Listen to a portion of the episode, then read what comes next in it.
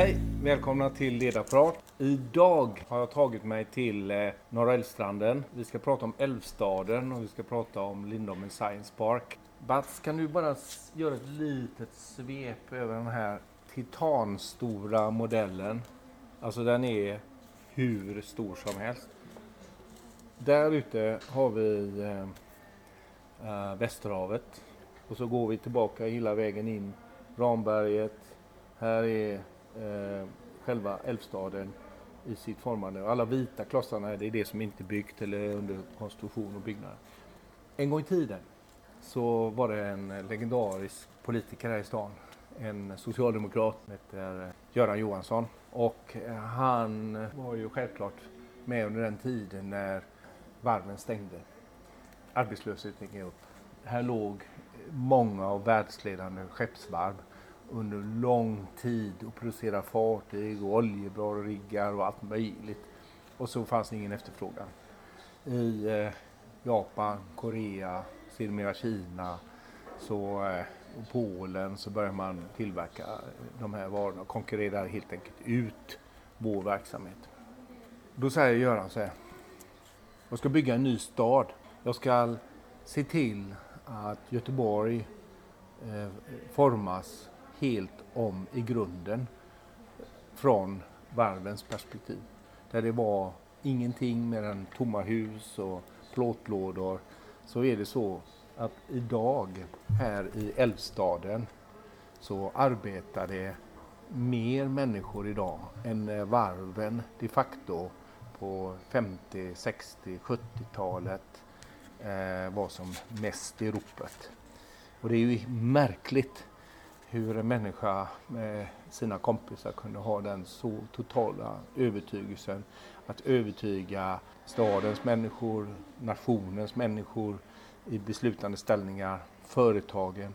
Och idag befinner vi oss här i Lindholmen Science Park, ett nav för innovation och för teknologiutveckling som är spets. Här finns en oändlig rad av små entreprenöriella spetskompetensföretag och här finns också de stora, stora företagen eh, representerade. Ericsson, Toyota, Geely, Volvogruppen naturligtvis och så vidare och så vidare. Och inte minst eh, våra universitet. Chalmers har ju sin verksamhet här. 2021, trots eh, covid och coronor och annat så firar faktiskt eh, Göteborg 400 år. Och eh, jag läser här i den här broschyren som jag, jag fick nappat upp här att sedan 1600-talet har vi hållit på här. Men eh, i faktiskt eh, 2021 så ska man ha byggt, jag vill nämligen läsa på lite så jag inte säger fel här för då blir ni, kastar ni väl över mig. Men det är så att eh, man ska ha över 2000 bostäder. Eh, jag läser till. Kraftsamla inför 400-årsjubileet 2021, det är alltså nästa år. Arbete i Älvstaden är redan på gång. I Kvillebäcken byggs 2000 lägenheter. Det är ju helt sjukt. 2000 lägenheter. Och södra Älvstranden med Skeppsbron och Norra Masthugget planeras och projekteras det för fullt.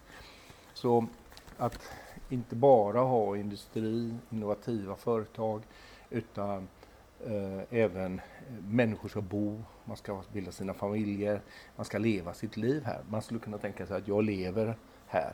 Och då har vi ju gått tillbaka till det som var förut att du har, jag bor på ett ställe och arbetar på ett annat och min familj på ett tredje. Så, eh, så man kunna leva och bo här eh, hela sitt liv. Eh, och det är klart att det tar kanske en eller två generationer för att få det att sitta perfekt då. Men eh, det är nästan som en byagemenskap.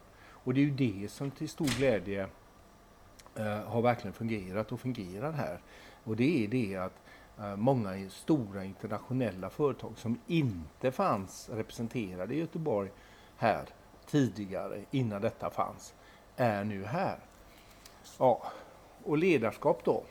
Ja, eh, ledarprat, det är ju där ni har checkat in.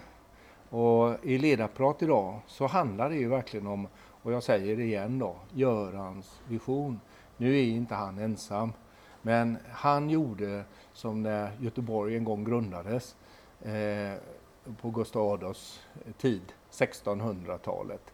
Alltså där ska staden ligga. Det finns en berömd eh, staty här eh, i Göteborg där, där han sitter på någon häst där eller står, när han står väl på Gustav Adolfs torg, det borde jag ju veta som göteborgare, gud vad löjlig jag är. Men eh, då pekar han där ska staden ligga och här, här gjorde Göran lite grann på samma sätt. Han sa med sina kompisar att här ska en ny del av vår stad ligga.